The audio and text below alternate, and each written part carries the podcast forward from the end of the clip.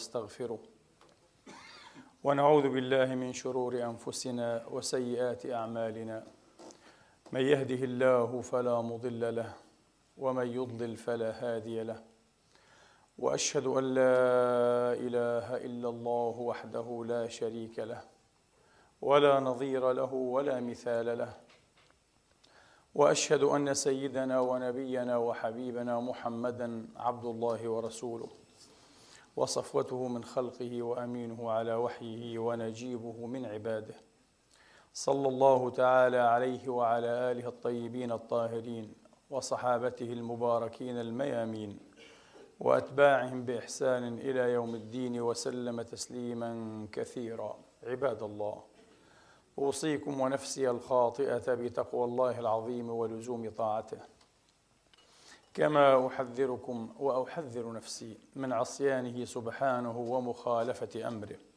لقوله جل من قائل من عمل صالحا فلنفسه ومن أساء فعليها وما ربك بظلام للعبيد. ثم أما بعد. أيها الإخوة المسلمون الأحباب أيتها الأخوات المسلمات الفضيلات يقول الله جل مجده في كتابه العزيز بعد أن أعوذ بالله من الشيطان الرجيم. بسم الله الرحمن الرحيم. يا أيها النبي حسبك الله ومن اتبعك من المؤمنين. يا أيها النبي حرض المؤمنين على القتال. إن يكن منكم عشرون صابرون يغلبوا مئتين. وإن يكن منكم مئة يغلبوا ألفا يغلبوا ألفا من الذين كفروا يغلبوا ألفا من الذين كفروا بأنهم قوم لا يفقهون. الآن خفف الله عنكم وعلم أن فيكم ضعفا فإن يكن منكم مئة صابرة يغلبوا مئتين وإن يكن منكم ألف يغلبوا ألفين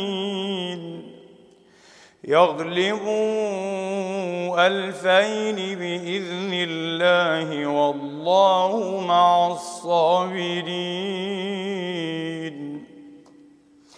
ما كان لنبي أن يكون له أسرى حتى يثخن في الأرض. تريدون عرض الدنيا والله يريد الآخرة. والله عزيز حكيم. لولا كتاب من الله سبق لمسكم فيما أخذتم لمسكم فيما أخذتم عذاب عظيم. فكلوا مما غنمتم حلالا طيبا. واتقوا الله إن الله غفور رحيم. واتقوا الله إن الله غفور رحيم. يا أيها النبي قل لمن في أيديكم قل لمن في أيديكم من الأسرى يعلم الله إن يعلم الله في قلوبكم خيرا يؤتكم خيرا يؤتكم خيرا مما أخذ منكم ويغفر لكم والله غفور رحيم. وإن يريدوا خيانتك فقد خانوا الله من قبل. فقد خانوا الله من قبل فأمكن منهم. والله عليم حكيم.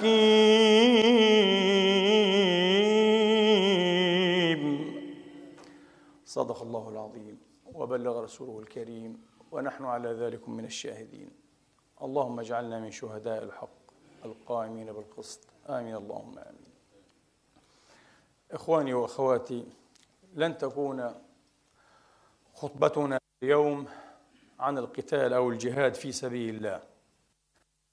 إنها استرشادا بقوله تبارك وتعالى يا أيها النبي حرض المؤمنين على القتال ان يكن منكم عشرون صابرون الآية والتي ولتها سنتحدث في أمر يخص نهضتنا يخص إقلاعنا الحضاري.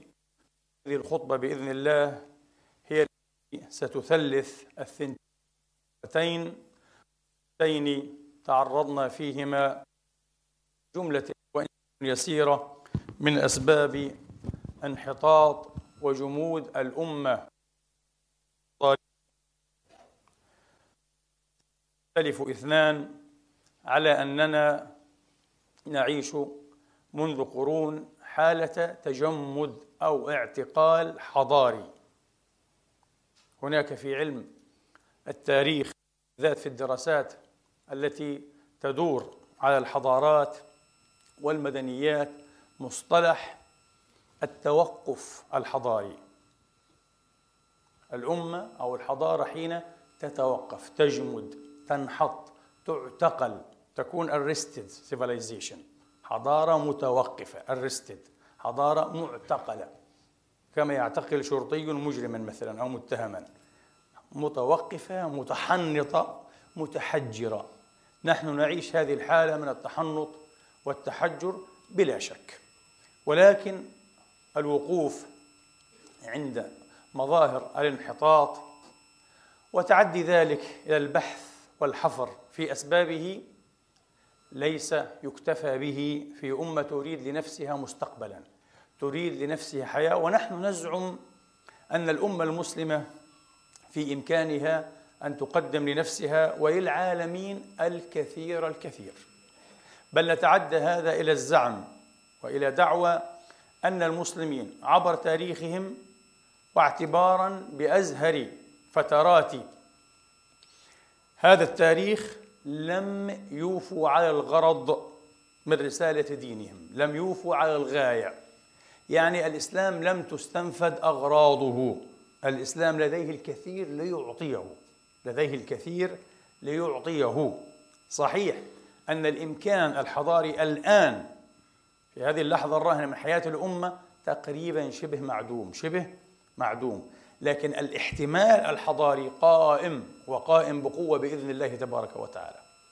فلاسفة التاريخ إخواني وأخواتي علمونا أن الأمم عموما الأمم بانية الحضارات والمدنيات تدخل التاريخ فقيرة في الوسائل المادية. يعني في الأسباب التي سماها القرآن الكريم الأسباب وآتيناه من كل شيء سببا. إنا مكنا له في الأرض آتيناه من كل شيء سببا.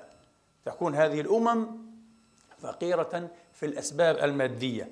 لكنها حين تدخل التاريخ وتختط لها خطا وترسم لذاتها أو لنفسها مسارا إلى جانب الأمم الأخرى العفية المتقدمة الناهضة إنما تكون غنية في الروح وفي القيم. روح هذه الأمة تكون روحا قوية مشرئبة. القيم تكون صحيحة معافاة إيجابية عاملة فاعلة بناءة. هذا ما حدث مع هذه الأمة المرحومة. رسول الله عليه الصلاة وأفضل السلام في الخندق بين كانوا يحفرون إذ اعترضتهم كدية شديدة. كدية هي الصخرة الكؤود. الكدية هي الصخرة الكؤود. كدية شديدة صخرة كبيرة قاسية. حاولوا معها مرارا فلم يفلحوا. فذكروها لرسول الله صلى الله عليه وآله وسلم تسليما كثيرا. فأقبل عليه الصلاة وأفضل السلام وآله وأخذ المعول من يد سلمان الفارسي. ثم انهال عليها فضربها ضربة تصدعت منها وبرقت برقة قوية جدا عظيمة. برقة نور. ثم ضربها الثانية فكذلك يقول الراوي أي برقت برقة عظيمة. باصطدام المعول بالصخرة ثم الثالثة فكذلك فإذا هي كالكثيب الأهيل تفتتت ترابا. سألوه عليه الصلاة وأفضل السلام عن هذه البروق أو البرقات الثلاث. يعني هل فيها دلالة؟ قال نعم. قال حين برقت الأولى مع أول ضربة رأيت قصور الحيرة وقصور كسرى وأخبرني جبريل أن أمتي ظاهرة عليها.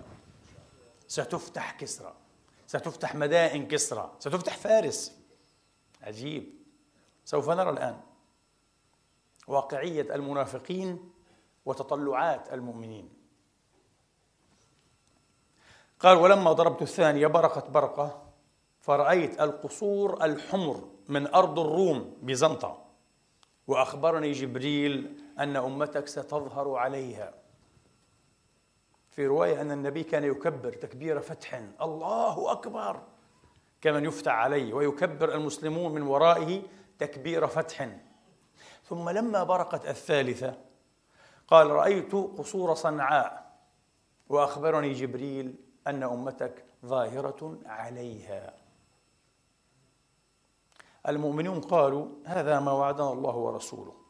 ولما رأى المؤمنون الأحزاب قالوا هذا ما وعدنا الله ورسوله. أما المنافقون فقالوا انظروا إلى محمد. يعدهم بأن تفتح عليهم كسرى يعني بلاد كسرى. وأحدنا لا يستطيع أن يخرج إلى البراز يقضي حاجته.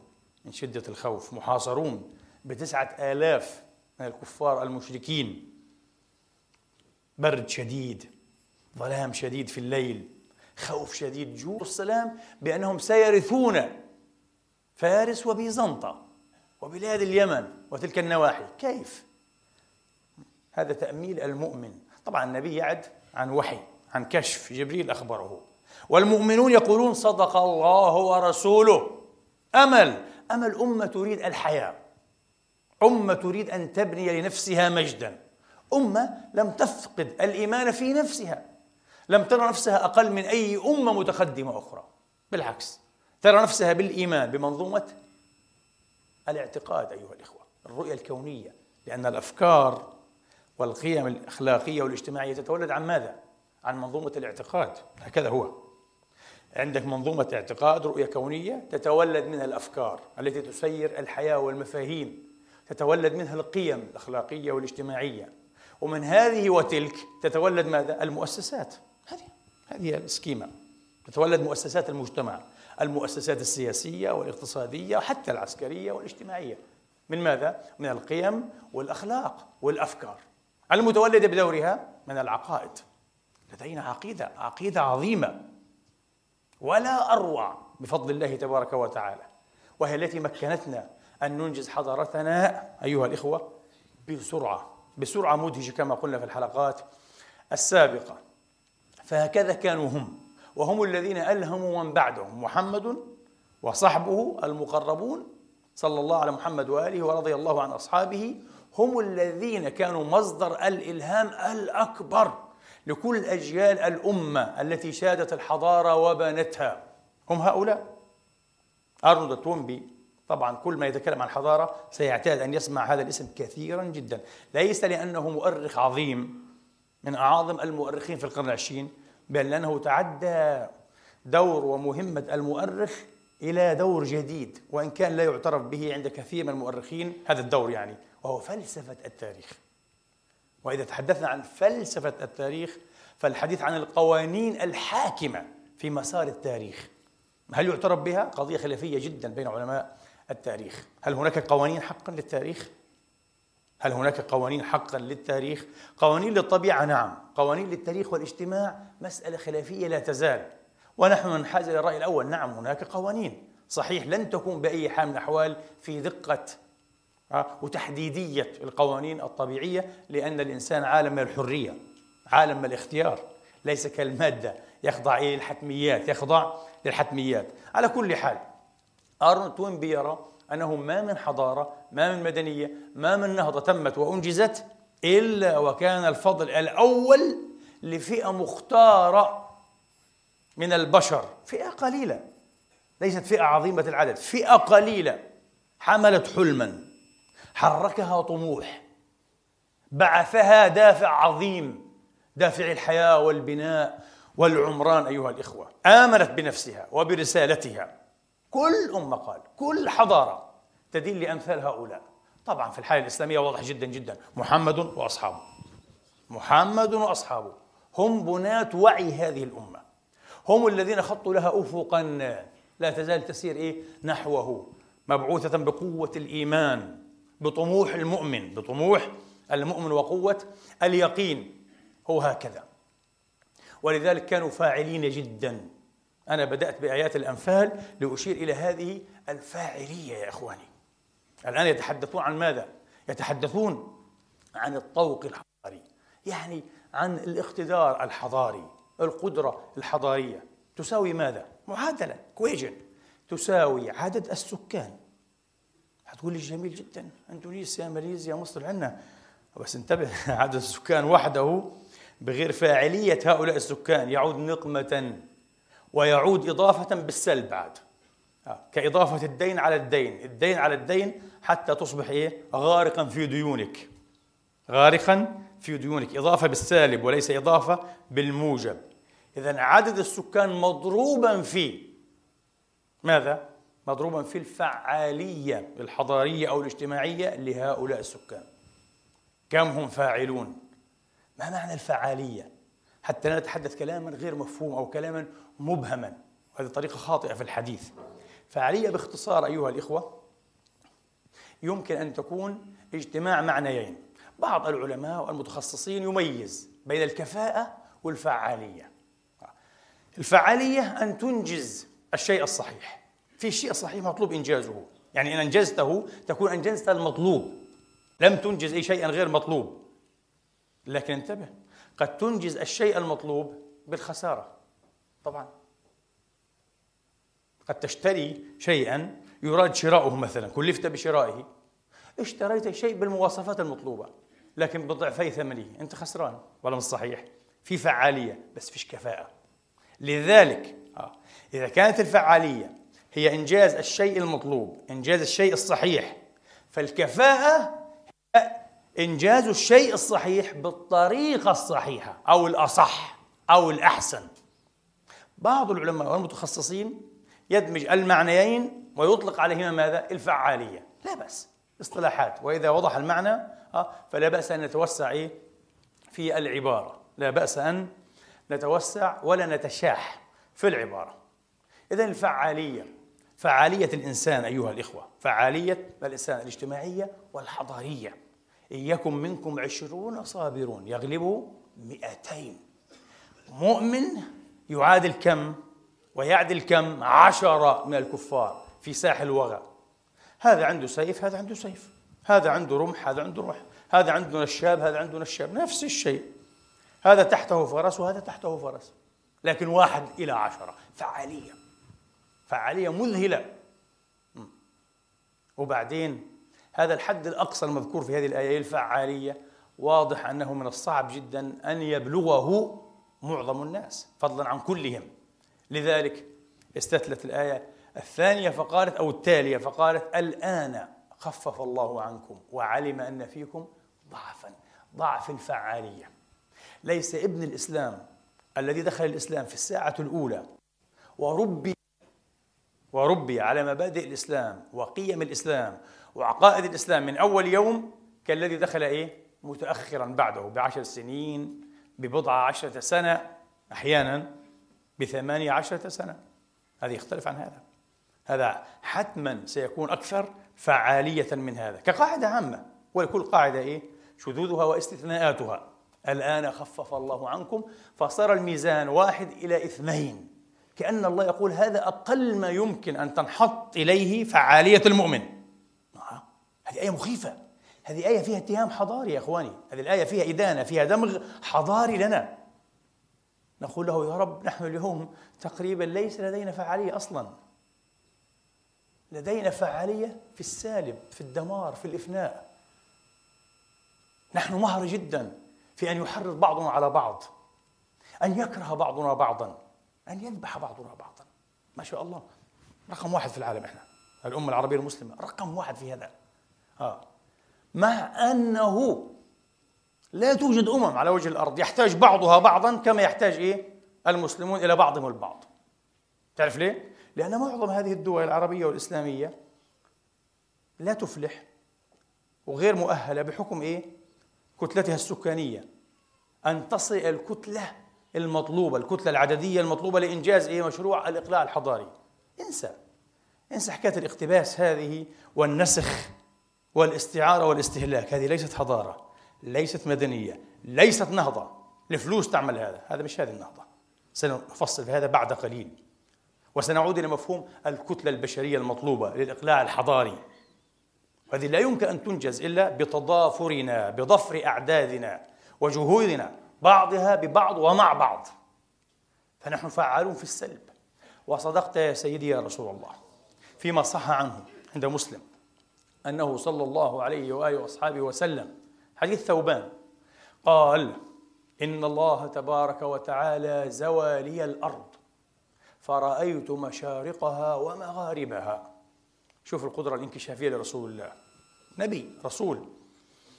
وإن ملك أمتي سيبلغ ما زوي لي منها وأعطيت الكنزين الأحمر والأبيض. قيل الأحمر إشارة إلى الدينار الذهب والدينار بيزنطي سنرث بيزنطة وهكذا كان. والأبيض إشارة إلى الدرهم الفضي فارس الحضارة الساسانية وهكذا كان. وأعطيت الكنزين الأحمر والأبيض.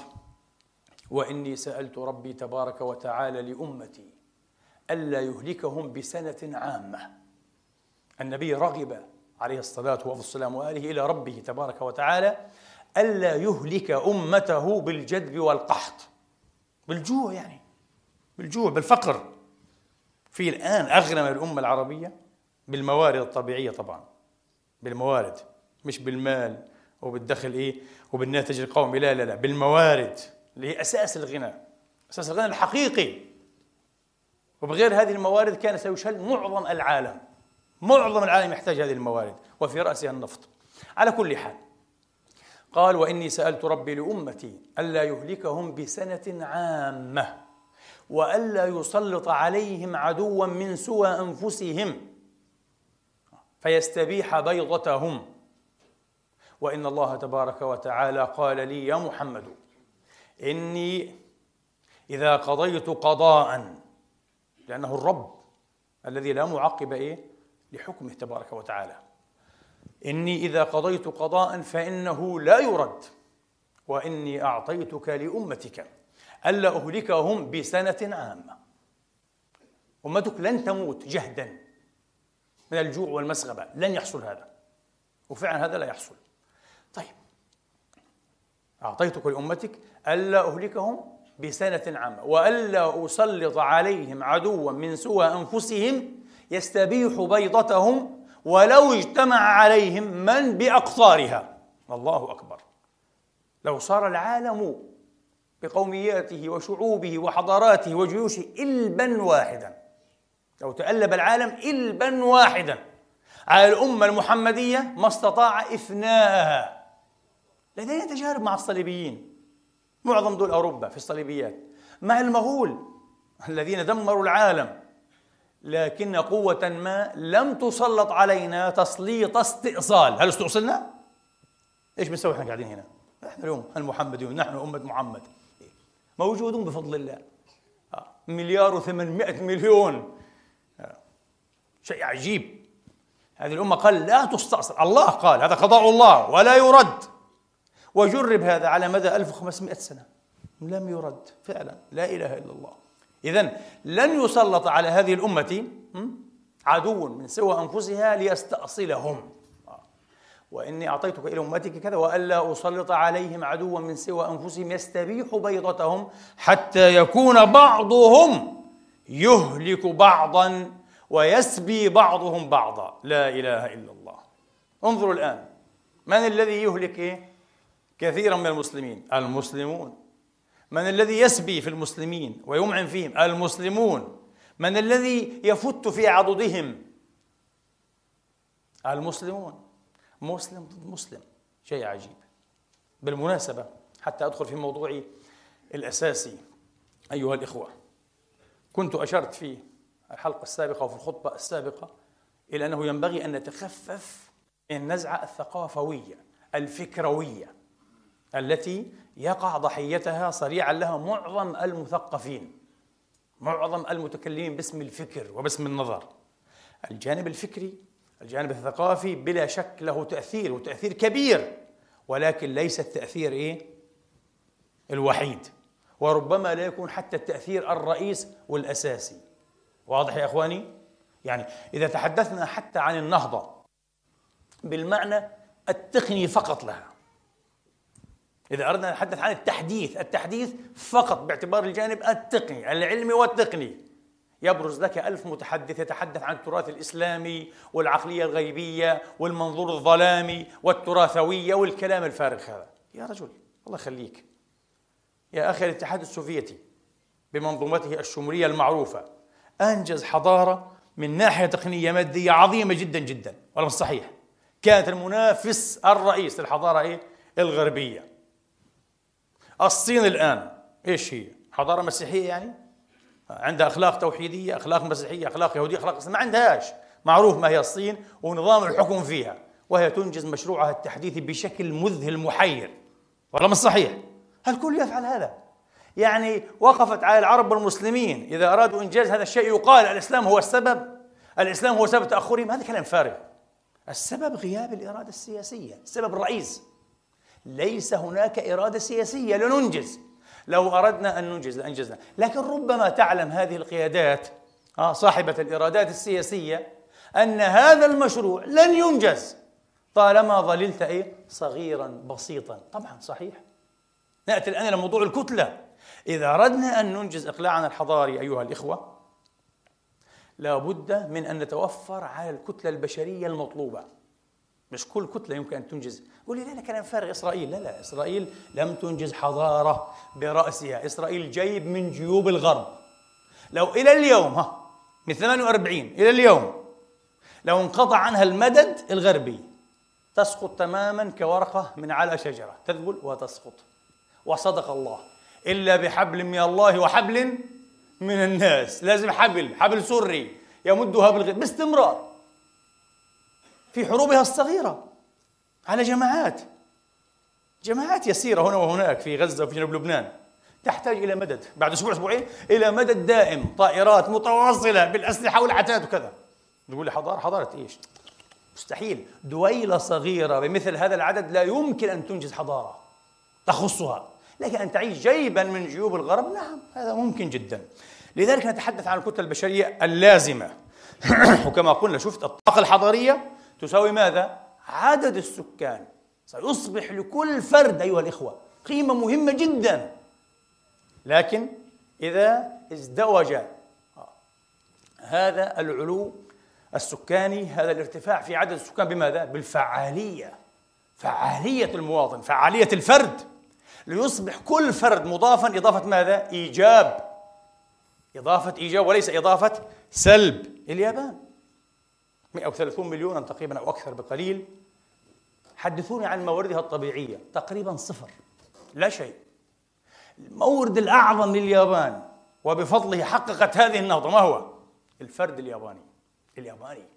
كل فرد له قيمة. كل زيادة أيها الإخوة خدمت في هذا المشروع. خدمت إيه؟ في مشروع إقلاع اليابان لأنه فعالية الفرد الياباني. فعالية الفرد الياباني. للأسف الوقت ضيق لكن أود أن أحكي لكم حكاية البطل الياباني القومي وبطل بكل المعايير أيها الإخوة. وهذه البطولة الحقيقية الذي كان الأساس في إدخال التقنية إلى اليابان لا بمعنى إيه نقلها واستعارتها واستهلاكها لا استنباتها. هو الذي استزرعها إنجاز التعبير واستنبتها وطنها بيئها في البيئة اليابانية. فرد واحد. أرسلته حكومته حكومة الإمبراطور الميكادو إلى ألمانيا هامبورغ ليدرس الميكانيكا العلمية ويعود بشهادة دكتوراه. قال جئت حلمي الأكبر تاكيو أسوهارا تقريبا اسمه يقول تاكيو كان حلمي الأكبر. أن أحصل على ال model model الصناعة الغربية. إيش المدول؟ القلب في كل الصناعة الغربية هذه. شوف كل الصناعة والتقنيات في لها قلب جوهر. المحرك. المحرك هو المدول. مدول الصناعة الغربية هو المحرك. كيف يمكن أن نصنع المحرك؟ مش أن ندرس المحرك. آه، دراسة مهمة ومطلوبة والتحليل مطلوب. لكن نريد ماذا؟ التصميم والتقنية. وبعد ذلك تأتي الصيانة.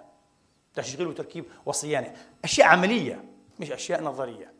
قال ومن أسف مكثت. مكثت فترة ليست بالقصيرة وأساتذي الألمان بدل أن يأخذوني إلى مراكز التدريب والمعامل يمدونني بالكتب نظريات وتحليلات ومعادلات رياضية قال ماذا أريد من هذا؟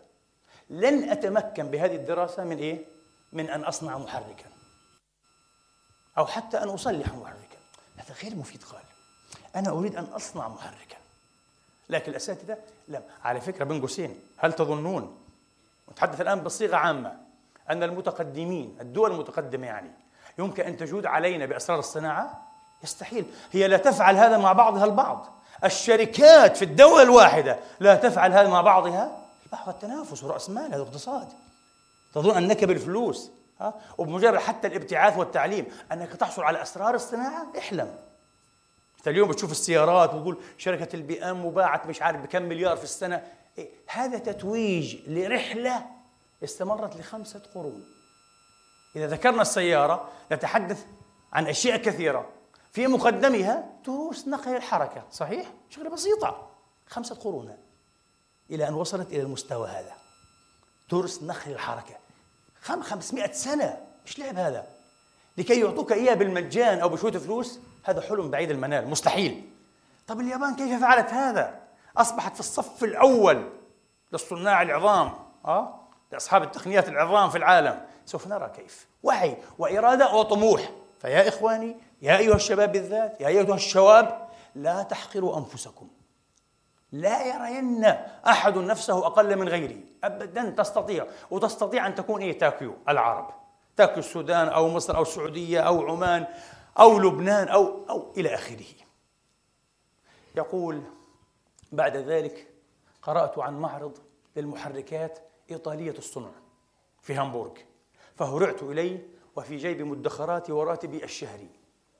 ووجدت هناك محركا بقوة حصانين كان ثقيلا جدا علي. دفعت كل ما لدي وأخذته إلى البيت أنظر إليه كأنما أنظر إلى جوهرة ثمينة. أخرجت أوراقي وأقلامي. بدأت أفكك هذا المحرك قطعة قطعة أرسمها وأعطيها رقما. أرسمها وأعطيها رقما. كان التحدي أمامي إن أنا أفلحت في تفكيكه ثم إعادة تركيبه وتشغيله فاشتغل أكون إيه؟ قد أنجزت خطوة مهمة على الطريق. هذه بداية اليابان مع التكنولوجيا. تخيل فرد عنده طموح وعنده صدق وعنده وطنية فائضة مش أشعار.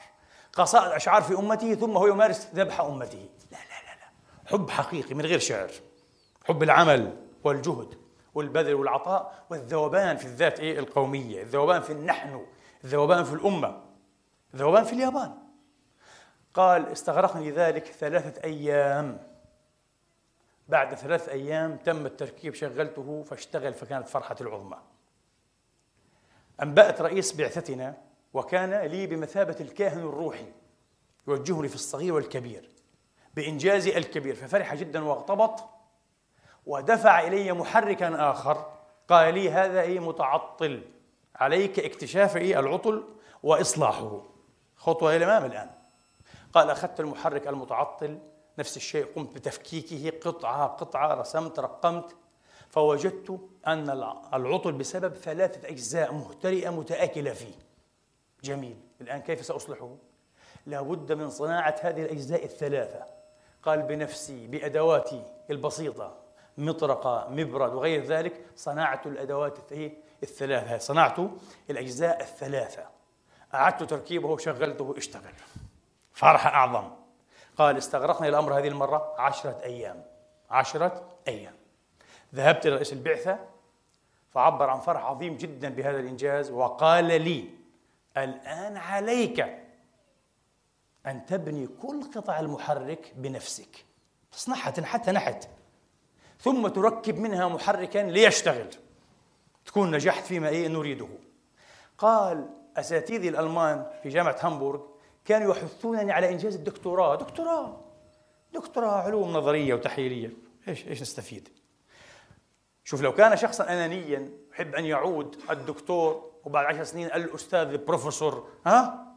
قال لك بلا محرك. إيش دخلني أنا؟ أرجع بروفيسور يفتخروا بي الناس وأهلي زوجتي لا لا لا ما بده الفخر الكاذب هذا؟ بده مجد الأمة مش مجد الفرد. مجد الأمة مجد اليابان لتعيش اليابان. النبي عليه السلام على فكرة كيف أنجز مشروعه؟ ولماذا كانت المدينة مهاجرة دار هجرته؟ ليه؟ الله لما تحدث عن الأنصار إيش قال؟ يؤثرون على أنفسهم ولو كان بهم خصاصة. بمثل هؤلاء تقلع الأمة حضاريا. بأشخاص فنوا أو كادوا عن أنفسهم في سبيل أمتهم. أنت اليوم ترى الكثيرين جدا لديهم استعداد أن يفنوا أمتهم في سبيل مصالحهم الصغيرة والحقيرة جدا. لا النبي وصف الأنصار فقال يقلون عند الطمع ويكثرون عند الفزع. يعني معادلة الحقوق والواجبات. اليوم أيضا في كل أمة متوقفة معتقلة متجمدة تجد حديثا لا ينتهي عن ماذا؟ الحقوق الحقوق الحقوق. في حين يغيب تقريبا أو يكاد الحديث عن ماذا؟ عن الواجبات. لا لا الأنصار كانوا أهل الواجبات يكثرون عند الفزع. وين في جهاد وين في عطاء وين في كذا. نحن يا رسول الله نحن الأنصار.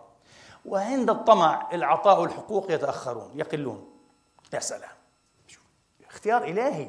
بهؤلاء نصر الدين بهؤلاء هؤلاء خميرة نهضة الأمة. خميرة حضارة هذه الأمة هؤلاء الأنصار المباركون رضوان الله عليهم. فكونوا أنصارا لأمتكم كونوا أنصارا للأجيال السابقة اللاحقة. أنصار النهضة والحضارة بإذن الله تبارك وتعالى. هو هكذا. قال على كل حال أنا أعرضت وضربت ليتا عن هذا وقررت أن أخوض التجربة. قال لن أستطيع أن أبني محركا ما لم أتعلم صهر المعادن. صهر المعادن؟ طبعا. مسألة كبيرة. صهر الحديد والنحاس والألمنيوم قال وارتضيت لنفسي أن أذهب يوميا إلى معاه المصاهر يعني إلى هذه المصاهر فيها عمال طليان وعمال ألمان وغير ذلك وألبس البدلة الزرقاء مع أنني يقول تاكيو أسوهارا من الساموراي. هو من أسرة من الساموراي. تخيل رضيت بهذا حتى أنني كنت أعمل خادما. للعمال الطليان في المصاهر في أوقات الغداء. أتواضع لهم أعمل لهم خادم أقدم لهم الشاي والأكل وكذا وأخدم عليهم. لكي إيه؟ أرى بأم عيني وأتعلم أسرار هذه الصناعات الثقيلة الصعبة. قال مكثت في التعليم والتدريب هكذا ثماني سنوات. وما في دكتوراه لا دكتوراه ولا محزنون. بدي أتعلم بدي أقدم شيء. لأغير به يقول اتجاه اليابان.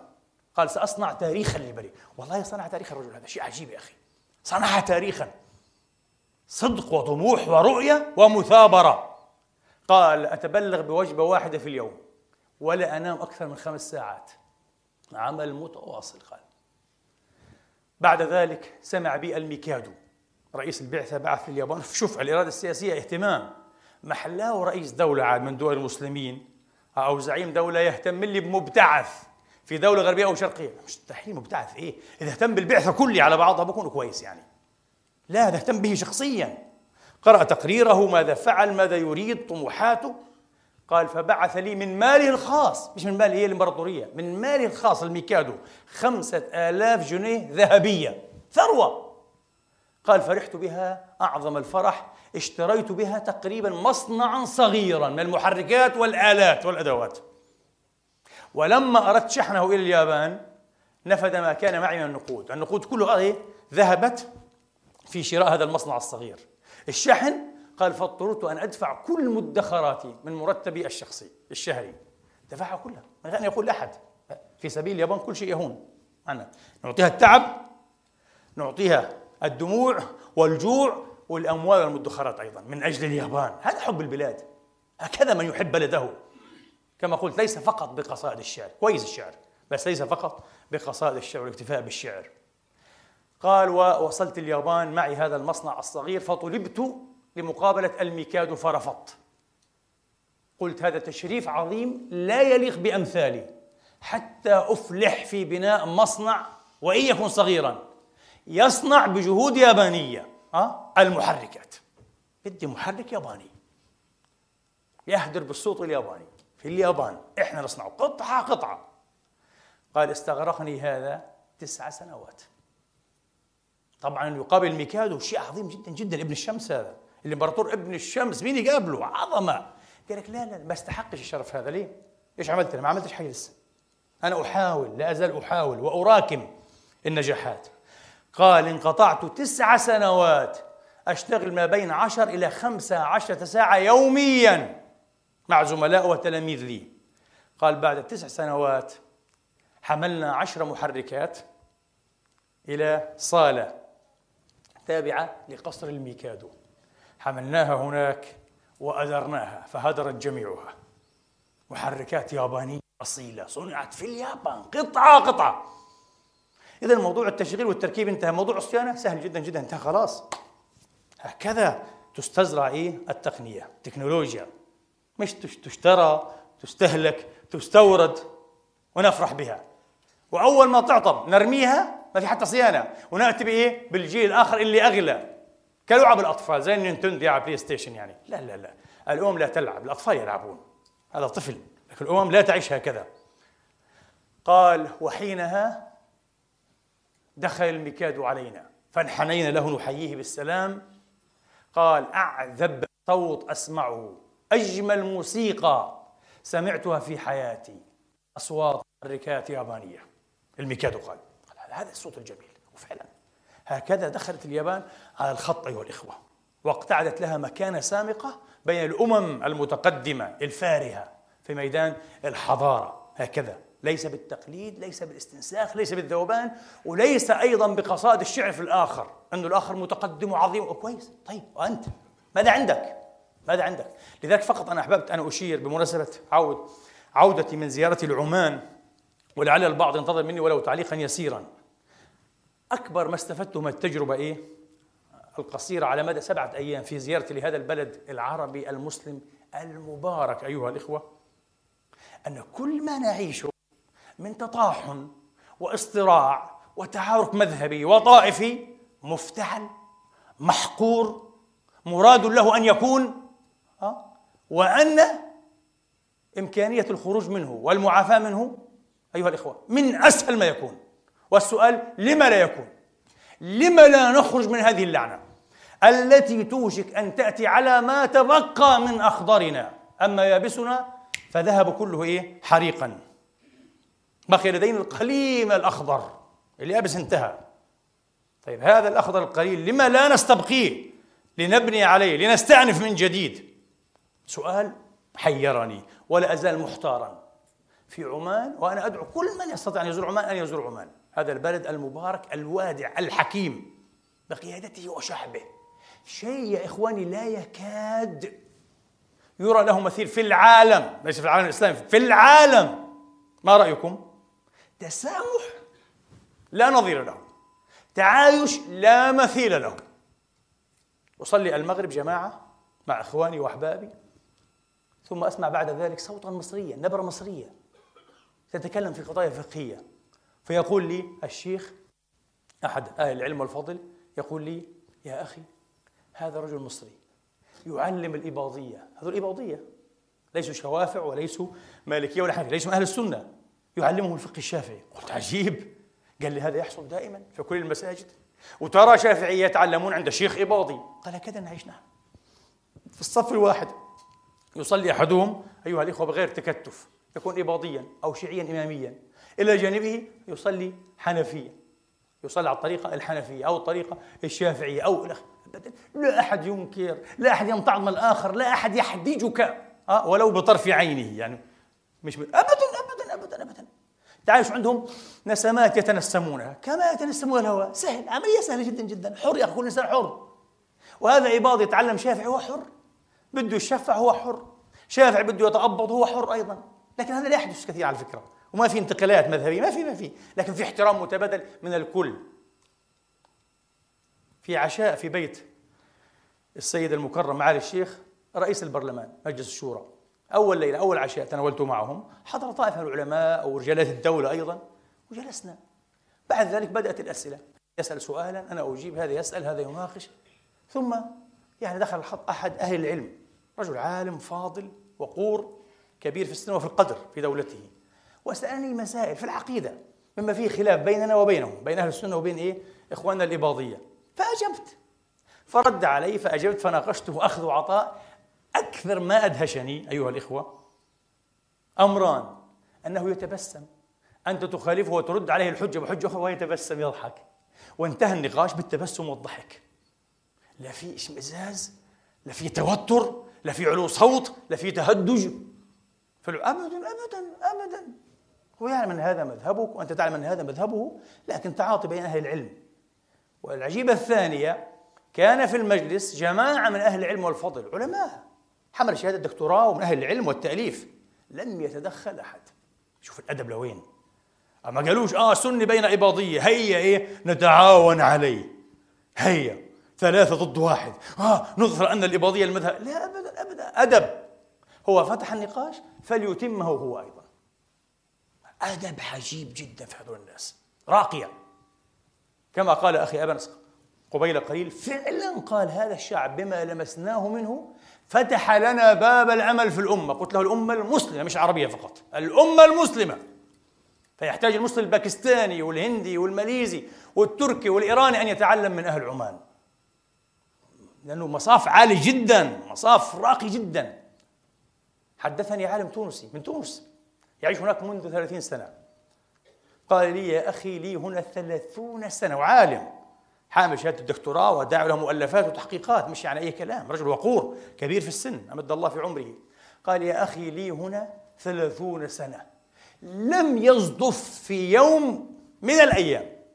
أن رأيت أو سمعت عمانيا يسب عمانيا أو يسب آخر أو يشتمه. قلت عجيب. قال لي والله ثلاثون سنة قلت له شيء غريب. ما هذا الشعب؟ فصدقت يا سيدي يا رسول الله. حين بعث رجلا من أصحابه إلى حي من أنحاء العرب يدعوهم إلى الله وإلى رسوله. فضربوه وسبوه وشتموه. في صحيح مسلم. فعاد يا رسول الله يا رسول الله بعثني إليهم فسبوني وشتموني وضربوني. قال لو أهل عمان أتيت. ما سبوك ولا ضربوك. يا الله. يعني من يوم يومهم. العجيب والجميل في أهل عمان بعد هذه الشهادة المصطفوية أنهم بذكائهم والحكمة الإلهية المفاضة عليهم. هم أهل الحكمة أنا رأيت الحكمة لمستها لمس يا أخواني. الهدوء والسكينة وكيف كما قلت لكم كيف يتعاطون في كل شيء. حكمة عجيبة جدا هؤلاء الناس. آه. أن هؤلاء الشعب عرفوا كيف يحافظون على هذه المواريث الطيبة المكرمة. مواريث التسامح ها؟ والسكينة والحلم والهدوء والتحابب والتعايش. لماذا لا يستفاد منهم؟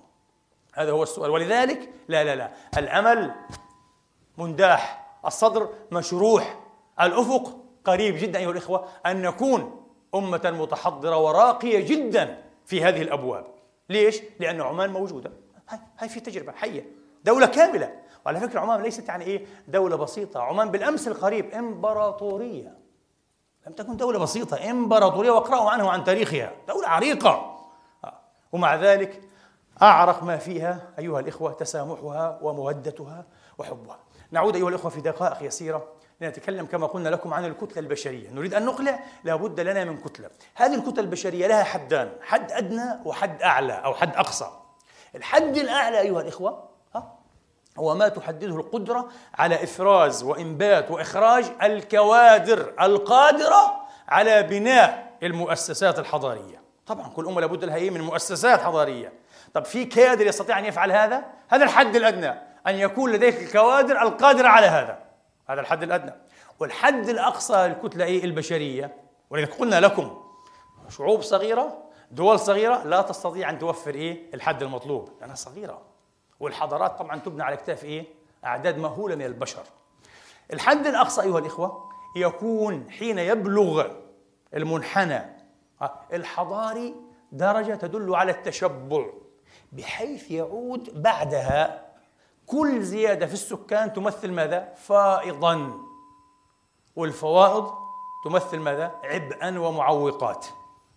يعني بتصير إيه؟ زيادة السكان إضافة بالسالب من جديد. لا لا لا نريد. بس إذا تحدثنا عن الكتلة البشرية ومعادلة الإقلاع أيها الإخوة مهم جدا أيضا أن نستحضر أن هناك علاقة واضحة وبسيطة وجميلة بين الفعالية البشرية الفعالية الحضارية الاجتماعية للفرد وبين ماذا؟ الفائض السكاني. عندك X وعندك Y. هنا الفعالية البشرية هنا الفائض السكاني. المنحنى هكذا. جزء من محيط دائرة هكذا. بمعنى ماذا؟ كلما كانت الفعالية قليلة كان الفائض إيه؟ كثيرا جدا. طبعا. ما في فعالية بشرية. تقريبا يعتبر معظم السكان زائدين عن الحاجة طب إذا كانوا زائدين فهم ماذا؟ عبء ومعوق. لذلك لديك بعض الدول الإسلامية تصرخ دائما من زيادة السكان. كأنه الحل هو في ماذا؟ تحديد النسل وتنظيم النسل. ومن 60 سنة. غلط. مش هذا الحل. طب ما اليابان عندها عدد هائل من السكان. الصين عندها عدد مهول جدا. أنتوا بتعرفوا الصين؟ كيف الصين استطاعت أن تنجز ما أنجزت؟ ليس هي فقط بالتحديد حددت لأنه عندها فعلا فائض رهيب جدا جدا. آه. فقط ربما في السنة الفارطه سمحت إيه؟ بولدين للعائلة الواحدة. قبل ذلك فقط واحد. لأنه عندها مليار و400 مليون. شيء مخيف جدا جدا هذا. آه. لكن رفعت فعالية الفرد الصيني. وهذا موضوع ثاني كيف؟ أهم شيء السياسة التعليمية مع التخطيط. ما عندنا هذا. للأسف الدول العربية معظمها ما عندنا هذا. سياسة تعليمية ملتئمة بالتخطيط بالخطة ذات ما عندناش. لذلك نفشل. نطرح الأسئلة الغلط نتلقى الأجوبة الغلط هوضح هذا بعد قليل. رفعت فعالية الفرد الصيني. ما الذي حصل؟ بهذه الكتلة المهولة التي رفعت فعاليتها الصين استطاعت أن تلحق إيه؟ بأمريكا بالعالم الجديد. تخيل؟ لأنها رفعت وربما بأمريكا ومضافا إليها دول أخرى أيضا. كما يقترح بعض إيه الدارسين المتخصصين فالحل ليس في تحديد النسل الحل في رفع الكفاءة طيب كلما الآن نأتي المحور هذا كلما زادت الفعالية هنا ها. ها. ما الذي يحصل؟ يقل الفائض تزيد يقل الفائض المنحنى إذا بلغت الحد الأقصى ينعدم ماذا؟ الفائض في هذه الحالة أيها الإخوة يتقارب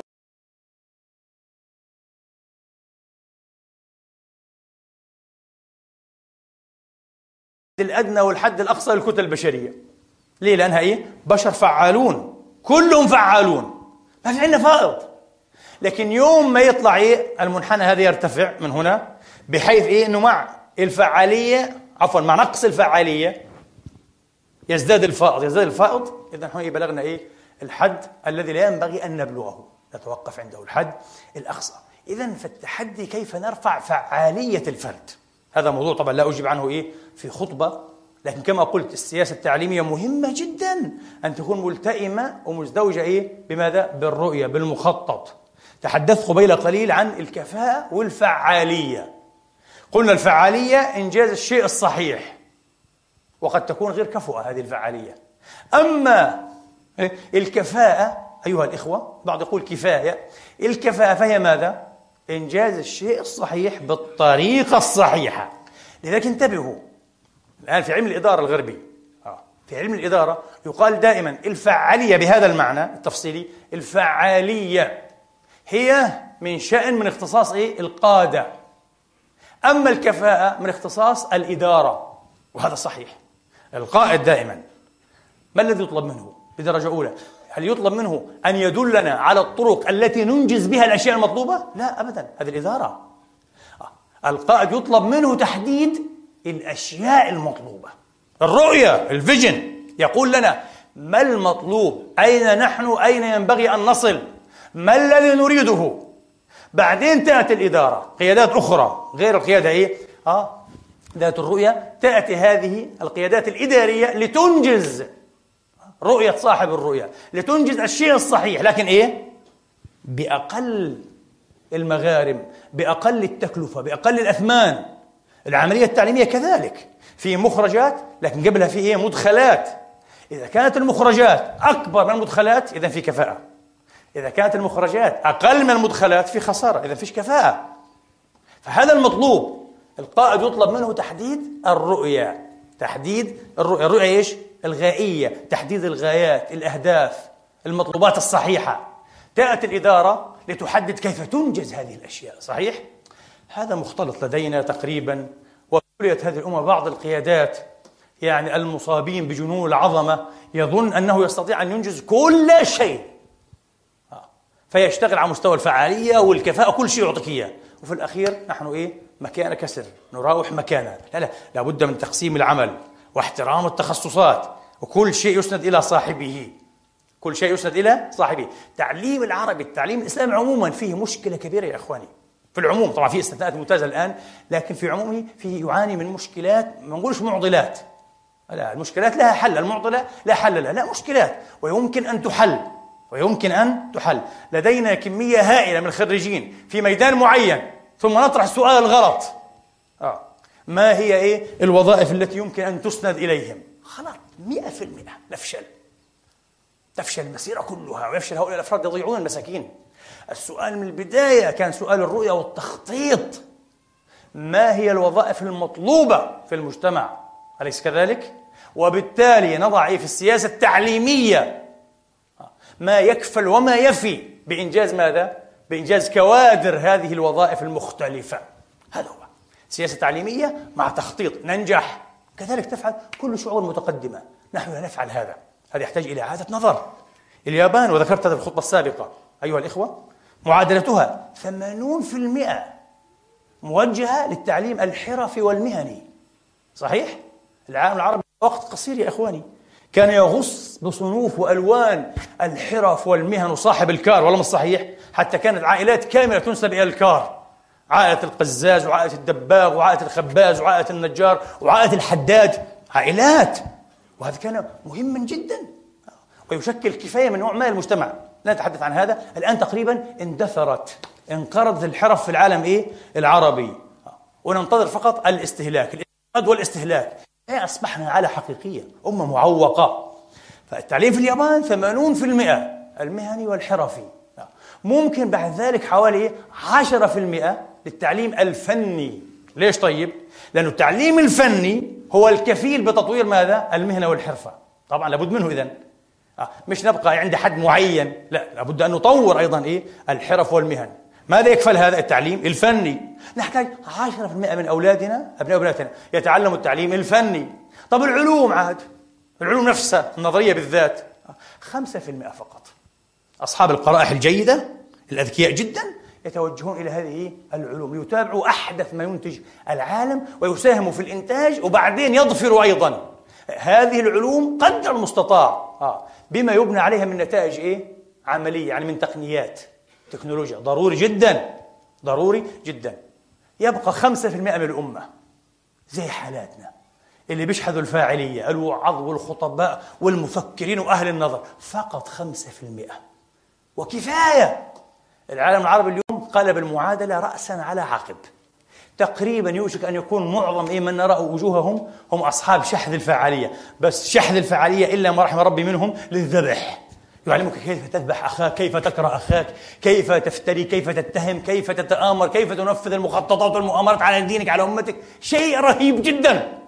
الشيخ الغزالي من زمان وهذا حكيم من حكماء عصرنا محمد الغزالي رحمة الله عليه المعاصر. آه. كان يستغرب شوف الفطرة ذكاء الفطرة يستغرب يقول قرية. القرية مثلا فيها إيه نفترض إيه؟ ألف من الأنفار أو خمسمائة. لا تحتاج إلى أكثر من إمام واحد. إمام هو الذي يصلي ويخطب ويفتي. انتهينا. طبعا واحد. كافي. لكن تحتاج إيه؟ الخمسمائة هذه. على الأقل إلى خمسة أطباء. واحد طبيب عام واحد متخصص في الصدرية واحد في كذا واحد في التوليد. وتحتاج إلى كم من مهندس وتحتاج إلى كم زبال وإلى كم خباز وكذا. لكن إحنا عملنا العكس.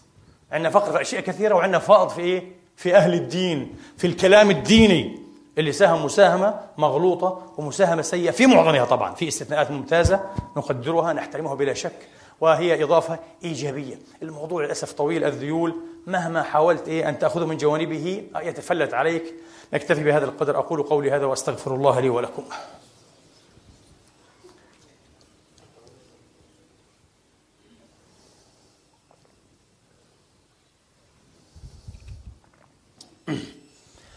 الحمد لله الحمد لله الذي يقبل التوبة عن عباده ويعفو عن السيئات ويعلم ما تفعلون. ويستجيب الذين آمنوا وعملوا الصالحات ويزيدهم من فضله والكافرون لهم عذاب شديد. وأشهد أن لا إله إلا الله وحده لا شريك له وأشهد أن محمدا عبده ورسوله صلى الله تعالى عليه وعلى آله وأصحابه وسلم تسليما كثيرا.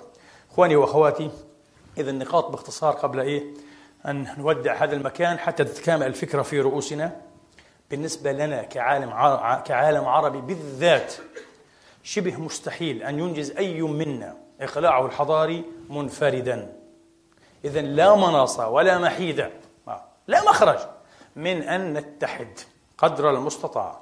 مش معنى تتحد بالطريقة عاد إيه؟ اللي فيهم بعض الناس يعني. آه وزعيم واحد هذا كلام فارغ. لا لا لا نتحد. عندك الاتحاد الأوروبي أنت بتشوف ليه. وابحث عن مسوغات ومبررات ودوافع الاتحاد الأوروبي ليش؟ أوروبا كمان. له علاقة بالكتلة. آه هذا مدروس ومعروف هاي أول. اثنين نصيب كبير جدا جدا أيها الإخوة من المسؤولية. يناط بجبين القيادات السياسية. لا بد أن نقول هذا واضحا. لنا ولهم. لا بد أن تكون القيادة السياسية واعية وذات رؤية. وأن تكون زعامة حقيقية. الزعامة ليس أن تكون في الكرسي. وأن تجمع الأموال. وأن تمارس الضبط والرقابة والعقاب على الناس ليس هذا الزعامة أن تدخل التاريخ من باب وسيع أن تخلدك الأجيال أن تبني لك نصبا تذكاريا ليس في الساحة أه؟ بفلوس الجماهير وإنما في قلوبها في عقولها في ذاكرتها الجمعية هذه الزعامة؟ فنريد أن يكونوا زعماء حقيقيين أه؟ إرادة سياسية للإقلاع الحضاري الحقيقي هذا الإقلاع النقطة الرابعة لا يتم بالاستعارة أه؟ لا يتم إيه بالاستهلاك لا يتم بالشراء. لا يمكن. لن تحقق هذا. واستفيدوا من تجربة إيه اليابان؟ والصين الآن ما شاء الله. إذا لابد أن نستزرع وأن نستنبت وأن نوطن وأن نبيع أه؟ هذه العلوم والتقنيات في بيئتنا العربية المسلمة المعادلة. المعادلة الاجتماعية مهمة جدا لعلكم تذكرون أه؟ يالمار شاخت الدكتور يالمار شاخت الذي كان رئيس البنك إيه؟ الرايخ بنك الرايخ في أيام مستشارية هتلر. وأيام هتلر أيضا كان إيه؟ كان هو وزير الاقتصاد. اقتصادي عظيم على مستوى العالم معروف يالم طبعا حكم في نورنبيرغ وحكم ثم بثمان سنوات ثم عفي عنه. ما فيش شيء يجرمه الرجل. استضافته إندونيسيا أيها الإخوة في أواخر الأربعينيات بعد الحرب العالمية طبعا إيه؟ الثانية وضع تحت يده كل شيء كل الإمكانات. تصل تفضل. نريد أن تقع بالاقتصاد الأندونيسي كما فعلت مع الاقتصاد إيه؟ الألماني أيام إيه هتلر؟ قال لهم خلاص ولا يهمكم أنا لها. ولم يكن لها ولا محو. فشل فشلا ذريعا. المعادله التي اشتغلت مع الشعب الألماني لا تشتغل مع الشعب الأندونيسي. لذلك لابد أن يقوم بهذا إيه؟ أبناء كل بيئة. أبناء كل وطن.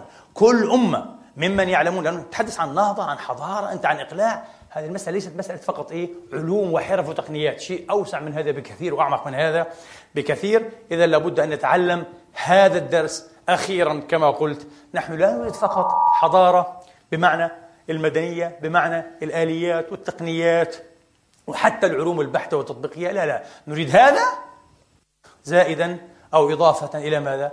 إلى حضارة الروح والقيم والإنسانية والأخلاق الحقة لكي نكون نبراسا للغير. وهكذا بإذن الله تبارك وتعالى نكسب الدنيا والآخرة. نسعد هنا وهناك. اللهم اجعلنا من المسعودين الموفقين. برحمتك يا أرحم الراحمين. علمنا ما ينفعنا وانفعنا بما علمتنا وزدنا علما. نعوذ بالله من علم لا ينفع وقلب لا يخشع وعين لا تدمع ونفس لا تشبع. اللهم اهدنا فيمن هديت وعافنا فيمن عافيت وتولنا فيمن توليت وبارك لنا في كل ما أعطيت. برحمتك يا أرحم الراحمين. لا تزغ قلوبنا بعد إذ هديتنا. وهب لنا من لدنك رحمة إنك أنت الوهاب. اللهم حبب إلينا الإيمان وزينه في قلوبنا وكره إلينا الكفر والفسوق والعصيان. واجعلنا من الراشدين برحمتك يا أرحم الراحمين. عباد الله إن الله يأمر بالعدل والإحسان وإيتاء ذي القربى وينهى عن الفحشاء والمنكر والبغي. يعظكم لعلكم تذكرون. وأقم الصلاة.